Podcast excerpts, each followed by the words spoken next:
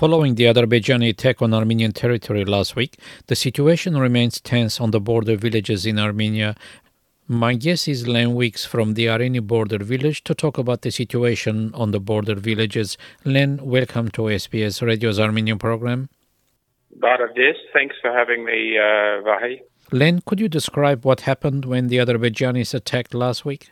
Well, we sighted here in Areni in Vayots Dzor province which uh, many listeners will know is a vulnerable part of Armenia that connects the sort of Yerevan area to the Syunik area. And uh, for some years, I've been warning about the problem of focusing on Syunik and forgetting about Vayots Dzor.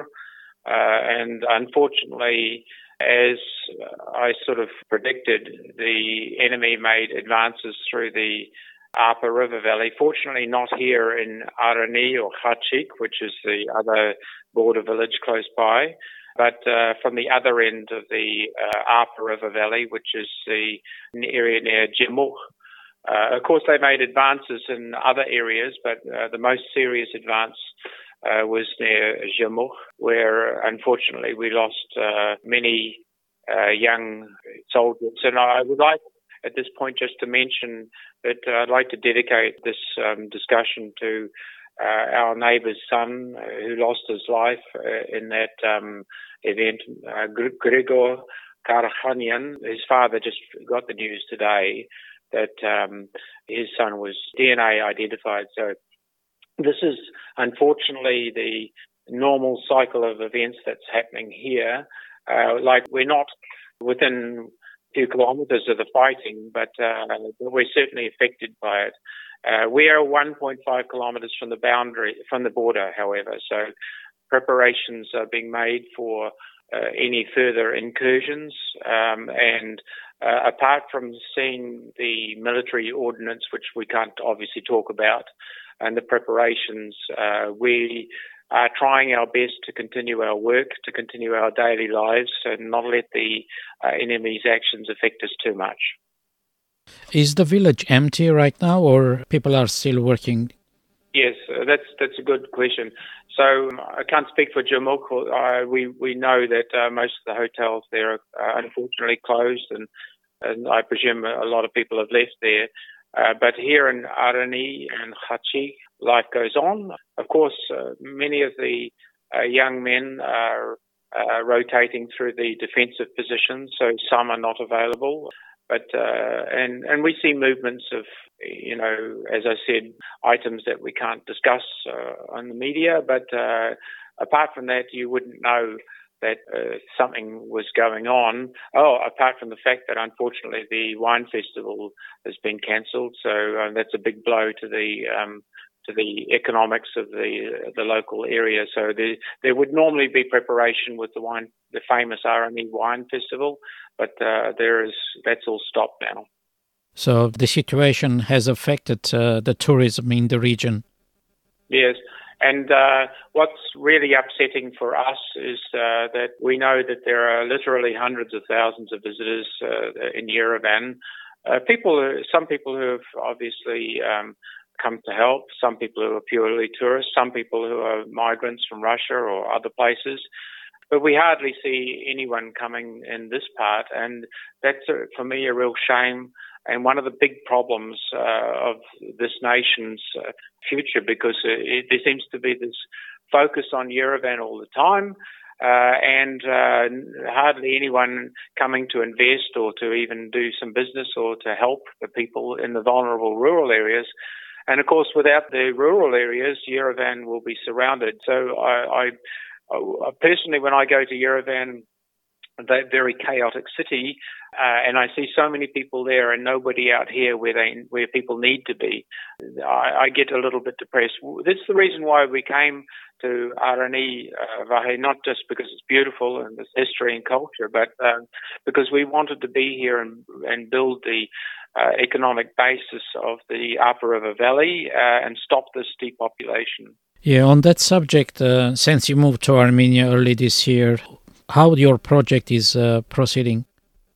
Uh, well, we uh, obviously uh, some of our workers uh, are affected. You know, they have to go on duty and things like that. And and we uh, and aside from the war uh, efforts and that sort of thing, um, we we've had problems. Your listeners will, of course, uh, have heard these sort of stories before. You know, we've we've we've had corruption, we've had theft, we've had uh, all sorts of things. So we've had to um, terminate uh, our, our main builder, and we've got all sorts of problems with paperwork and things like that. So. Uh, we're continuing, however, Ray. Uh, you know, we we're, still determined. Uh, we're about 95% in the internal furnishing, so we're quite close, but we will not be able to open because of the paperwork here. Not not our fault. Uh, local and central government are quite incompetent, in my view. So we probably not open till next year sometime.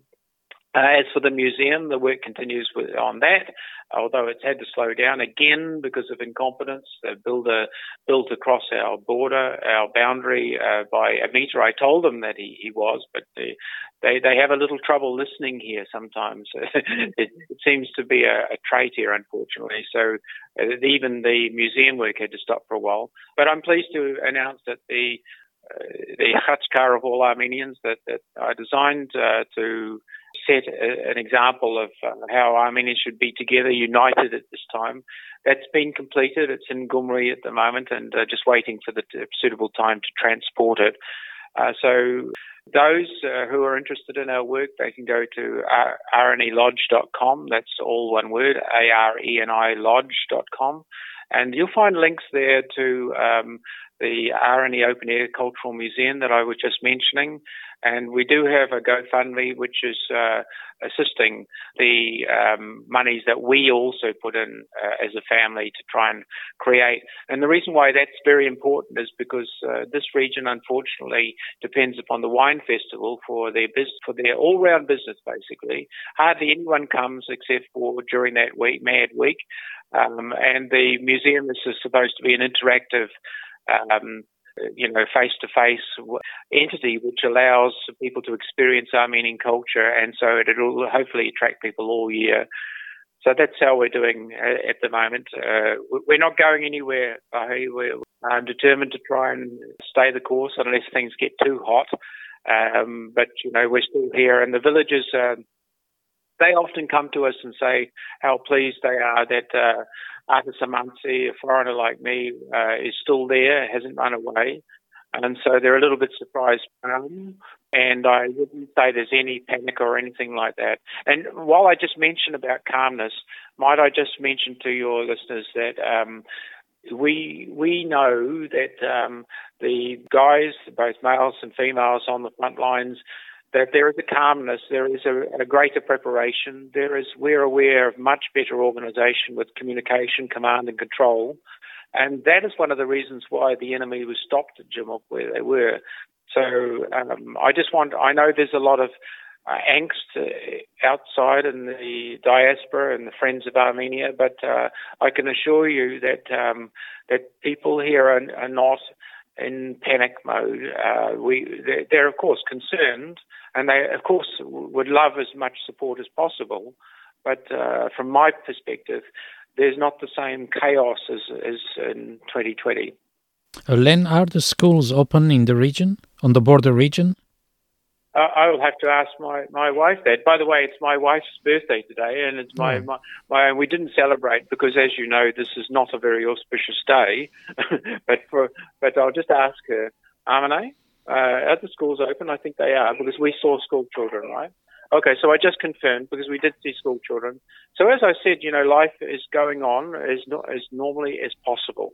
Anything we missed? Um, I, would just like to, to mention uh, a few quick points about um, what's going on. I can't, of course, talk politically uh, because that's for Armenians to, to discuss. But what I will mention to the listeners, this is very, very important. Uh, there's a lot of talk at the moment about uh, enacting a so-called peace treaty. Listeners should uh, should understand that actually enacting a peace treaty under duress or under force is actually illegal under Armenian law because Armenia ratified the Vienna Convention on the Law of Treaties, and Article 52 of that convention forbids peace treaties, obviously, under duress. So I just wanted to mention that. The second point I wanted to mention about um, the situation is that there's some talk about mutual recognition of borders, but uh, I, have yet to understand how that's possible when the borders aren't actually demarcated. So, so what mutual recognition would you have? Um, the third point I wanted to mention is that, uh, and I think most most people know this, but the outside world do not. That uh, the, the, the status of Azerbaijan uh, was not sovereign until 1991, so they actually don't have any territorial integrity claims before that. Yet they try and fool the world that they, they have some claim on Artsakh. I think it would be appropriate for the diaspora to focus more on the status of Azerbaijan than, than the automatic rights of uh, Artsakh, because then everything is clear. And uh, a fourth point, you know, even if the Azerbaijani border surrounds Artsakh, which we should emphasize the outside world has not been part of this recent um, conflict. Uh, that doesn't automatically mean it's part of Azerbaijan. I think there's this, there's this assumption that because it's uh, the border of Azerbaijan surrounds Artsakh, it that it's part of Artsakh. But you know, Vahe, um, uh, there are exclaves like uh, mm-hmm. Kaliningrad or even Nakhchivan for that matter that are not part of uh, Azerbaijan. Uh, Lesotho is a country surrounded by South Africa, as you well know. So that's an important point. The status, the actual status of Artsakh is actually, according to the UN, disputed. It's not part of uh, Azerbaijan, as uh, Azerbaijanis would have you believe. UN resolutions do not determine the status of territory, no matter what people say. Certainly, uh, Turkey is busy um, ignoring 62 of them uh, with, with Cyprus, so we can understand what the status of UN resolutions are. The Minsk group has been empowered to determine the status of Artsakh. Uh, and so that means that the formal status is that the status has not been determined. So with those, I think five points, I would really, what frustrates me a little bit is that the Armenian community do not speak clearly to the world about those five critical points, and they allow the, the media, for whatever political reason, to keep saying incorrect things that gives the world the impression that actually Artsakh is uh, separatism, and we all know that with the current situation in Ukraine, that the word separatism is kind of like a dirty word right? You don't want to have anything that even mm-hmm. looks or smells like separatism.